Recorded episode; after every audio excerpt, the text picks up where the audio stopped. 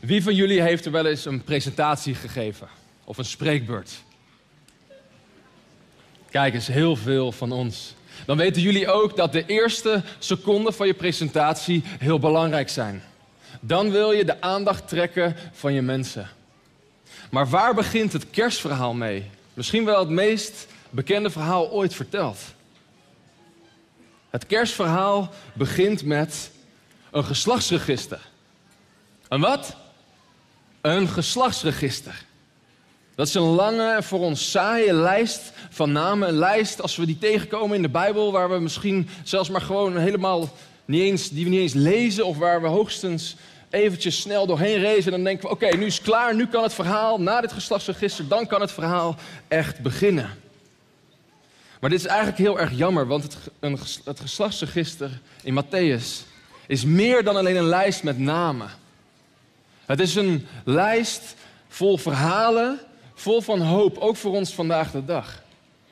En daarom wil ik vanmorgen met jullie nadenken over de vraag: wat kunnen we dan leren van het geslachtsregister van Jezus over de betekenis van kerst? Laten we eens lezen, Matthäus 1, vers 1. Overzicht van de afstamming van Jezus Christus, zoon van David, zoon van Abraham. Abraham verwekte Isaac. Isaac verwekte Jacob. Jacob verwekte Juda en zijn broers. Juda verwekte Peres en Zerach bij Tamar. Peres verwekte Gesron. Gesron verwekte Aram. Aram verwekte Aminadab. Aminadab verwekte Aram. Aram ver... Nachson verwekte Salmon. Salmon verwekte Boas bij Ragab. Boas verwekte Obed bij Rut. Obed verwekte Isaï. Isaï verwekte David de koning. David verwekte Salomo bij de vrouw van Uria. En dan gaat de lijst verder met Asaf, Jotam, Joram, Hiskia, Manasse en ga zo maar door. En dan aan het eind van vers 15 dan lezen we... Matan verwekte Jacob. Jacob verwekte Jozef, de man van Maria. Bij haar werd Jezus verwekt, die Christus genoemd wordt. Supermooi toch? We zijn geïnspireerd, we hebben de lijst met namen gelezen en we kunnen naar huis. Nee, zo werkt het niet helemaal. Wij snappen dit verhaal niet helemaal, maar wat we moeten begrijpen is dat een geslachtsregister in Jezus' tijd een manier was om te laten zien wie je was. En natuurlijk wilde je een beetje een goede indruk maken. Een geslachtsregister is een beetje zoals een cv. Op je cv zet je de dingen waar je trots op bent. Of een geslachtsregister was eigenlijk als een, als een vriendenboekje. In een vriendenboekje liet je aan de ene kant laat je zien wie je bent en aan de andere kant toon je de dingen waar je trots op bent van jezelf. En zo werkte een geslachtsregister in de tijd van Jezus ook. Het was een manier om te laten zien, dit ben ik. En het was een manier om te laten zien van, hé, hey, dit is hoe belangrijk ik ben. Dus je zou denken dat Matthäus er alles aan zou doen om Jezus op een goede manier te presenteren, om hem goed voor de dag te laten komen. Maar wat doet Matthäus? Matthäus doet precies het tegenovergestelde. Hij zet met deze lijst namen Jezus helemaal niet neer als een man van goede afkomst, als een man met een goede reputatie. Hoe zien we dit? Nou ja, allereerst doordat er vrouwen in deze lijst staan. En in onze tijd denk je, huh, vrouwen, dat is, toch, dat is toch normaal? Maar nee, dat was in Jezus' tijd was het niet normaal dat er vrouwen in een geslachtsregister stonden. En in deze lijst van Jezus staat er niet één vrouw, staat er niet twee vrouwen, er staan wel vijf namen, vijf vrouwen in de lijst van Jezus. Waarom? Wat wilde Matthäus hiermee zeggen? Matthäus die wil ons hiermee laten zien waarom en voor wie Jezus gekomen is. Kijk bijvoorbeeld naar Rut. Rut was niet alleen een vrouw, ze was ook nog eens een buitenlandse vrouw, een Moabiet. En volgens de wet van God mochten Moabieten helemaal niet bij het volk van God horen. En mochten Moabieten helemaal niet bij de familie van God horen. Ze waren buitengesloten van de groep en buitengesloten van de familie van God. Jezus kwam dus niet alleen voor diegenen die er in de maatschappij toe doen. Diegenen die in de ogen van de maatschappij belangrijk zijn. Deze lijst met name laat ons zien dat er in Jezus' familie plaats is voor insiders en voor outsiders. Er is bij hem geen verschil tussen mensen die erbij kunnen horen en mensen die er niet bij kunnen horen. Jezus die kwam voor de Jood en voor de niet-Jood. Hij kwam voor de kerkganger en voor de niet-kerkganger. Hij kwam voor de Nederlander en voor de niet-Nederlander. Hij kwam voor de populaire onder ons en degene op wie een beetje neergekeken wordt. De miljonair en de bedelaar. Matthäus die zegt dus, geslacht, dat bepaalt niet meer of je bij mijn familie mag horen. Cultuur en afkomst, ook dat bepaalt niet of je bij de familie van Jezus mag horen. Maatschappelijke status, no, no, no, ook dat bepaalt niet of je bij Jezus' familie mag horen. Maar Matthäus gaat met dit geslachtsregister nog verder dan dit. Door deze namen te noemen, laat Matthäus zien dat zelfs gedrag niet hetgene is wat bepaalt of jij wel of niet bij Jezus mag horen. Sommigen van ons die denken dat het in de kerk gaat om een goed mens zijn. Een goede christen zijn. En voor diegene heb ik vanmorgen slecht nieuws. Je zit ernaast. Dat is niet de boodschap van het christendom. Jezus die kwam niet om ons te laten zien hoe wij goede mensen kunnen zijn. Kijk maar eens naar onze tekst. De namen die hier genoemd worden zijn namelijk niet bepaald mensen die worden geprezen omdat ze zo'n goede reputatie hadden. Dit waren eerder mensen die je liever niet in je familie wilde hebben. Rahab wordt genoemd. Rahab was niet alleen een buitenlandse vrouw, ze was ook nog eens een hoer. In de ogen van de maatschappij werd ze gezien als vuil, als vies, als onrein. Met haar wilde je niks te maken hebben. En neem Juda en Tamar, ook hun namen lazen we. Luister goed, Juda was de schoonvader van Tamar. Als schoonvader had Juda zich misdragen tegen Tamar. Daarom vermomde Tamar zich als prostituee, verleidde haar schoonvader, ze hadden seks en ze kregen een tweeling. Hun verhaal is een familiedrama vol onreinheid, ontrouw, schijnheiligheid en bedrog. Juda was een man die in onze cultuur voor eens en voor altijd genadeloos gecanceld zou worden vanwege zijn seksuele wangedrag. Tamar was een hashtag MeToo-vrouw.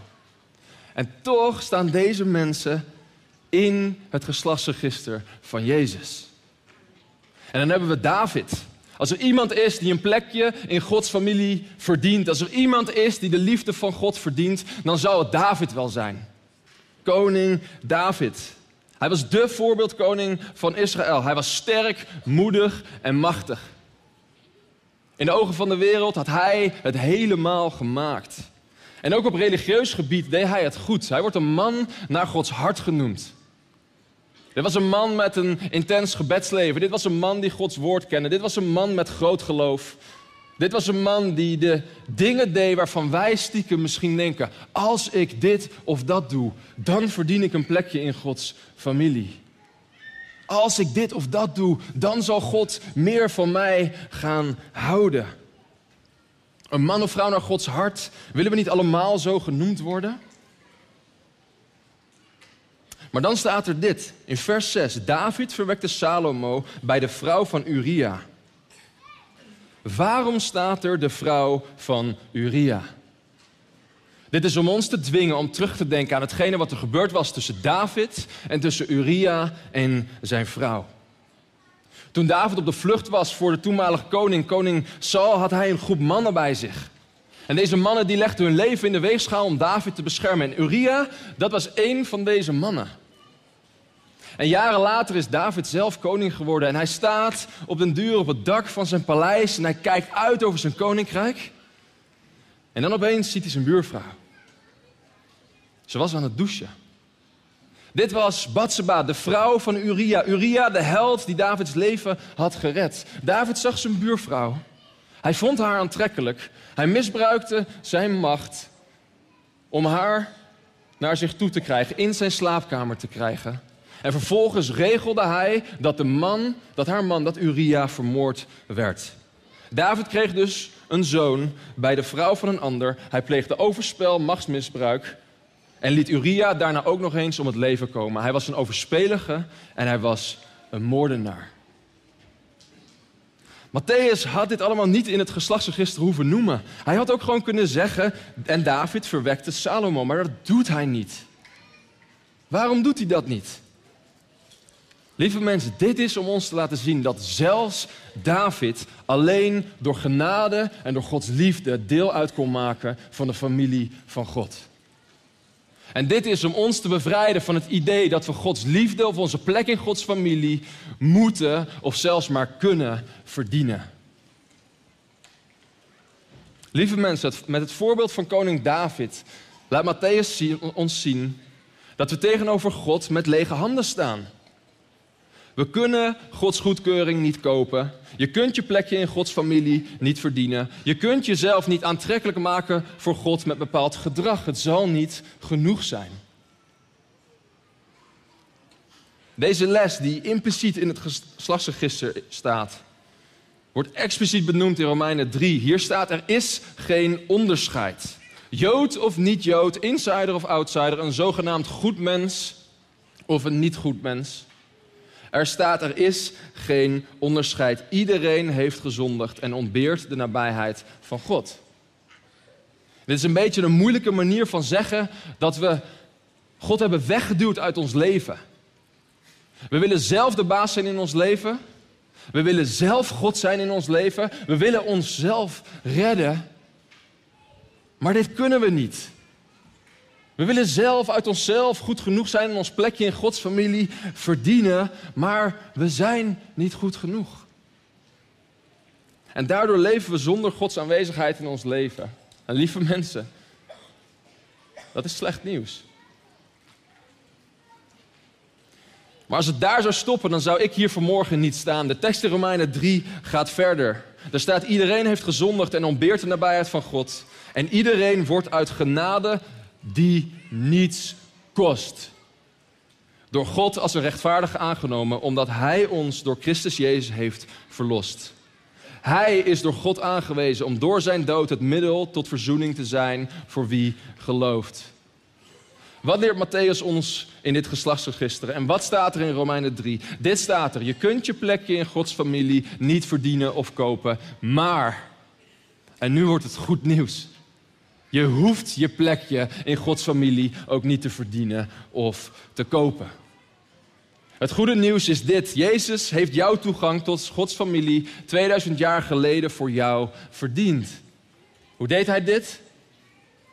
Door 2000 jaar geleden naakt en hulpeloos in onze wereld geboren te worden. Hetgeen wat we vandaag met elkaar vieren. En door circa 30 jaar later naakt en hulpeloos te sterven aan een kruis. Hij werd behandeld als misdadiger. Niet voor zijn eigen gedrag, maar voor ons gedrag. Hij stierf. Maar hij stond ook weer op uit de dood en bewees daarmee dat alles wat nodig is voor ons om deel te worden van Gods familie behaald is. Jezus is degene door wie de relatie tussen God en de mens weer hersteld wordt. Voor wie geldt dat?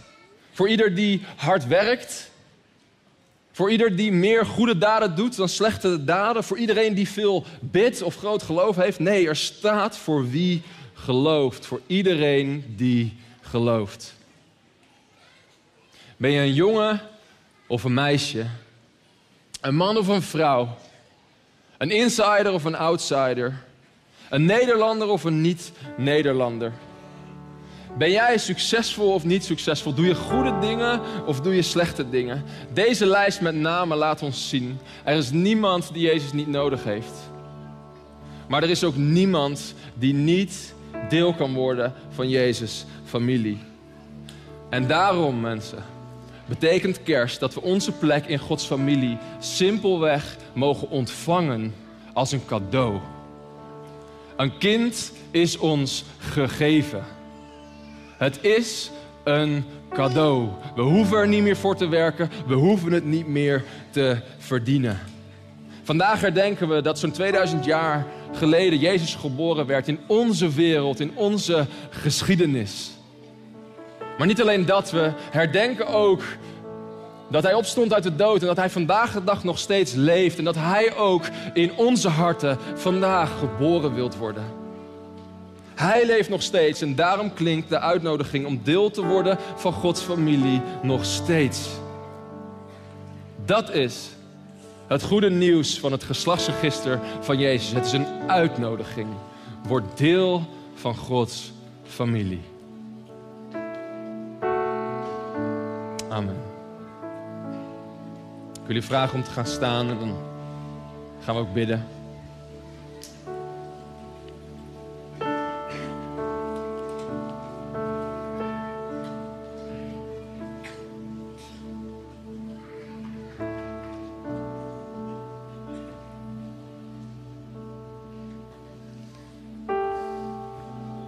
Ja, liefdevolle Vader, we willen ja, zo op dit moment ook. Heer, ook zien wat u zegt in uw woord. Dat u ons uitnodigt om deel te worden van uw familie als een cadeau, als een geschenk. Dat u naar de aarde kwam als een geschenk. Dat we bij u mogen horen, niet door hard te werken, niet door van alles te verdienen, Heer. Maar dat we bij u mogen horen vanwege wat u voor ons heeft gedaan.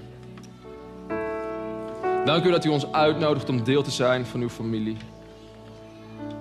En dat u zegt, ik wil dat je, dat, de, dat, de, dat je weer een relatie met mij krijgt. Dat is waar ik je voor gemaakt heb. Zoon of dochter, ik heb je gemaakt om mij te kennen. Ik heb je gemaakt om relatie te hebben met mij. Ik heb je gemaakt om te genieten van mijn aanwezigheid in je leven. En ik dank u dat we dat niet hoeven te verdienen. Dat we daar niet hard voor hoeven te werken. Maar dat u dat voor ons verdiend heeft toen u naar de aarde kwam 2000 jaar geleden.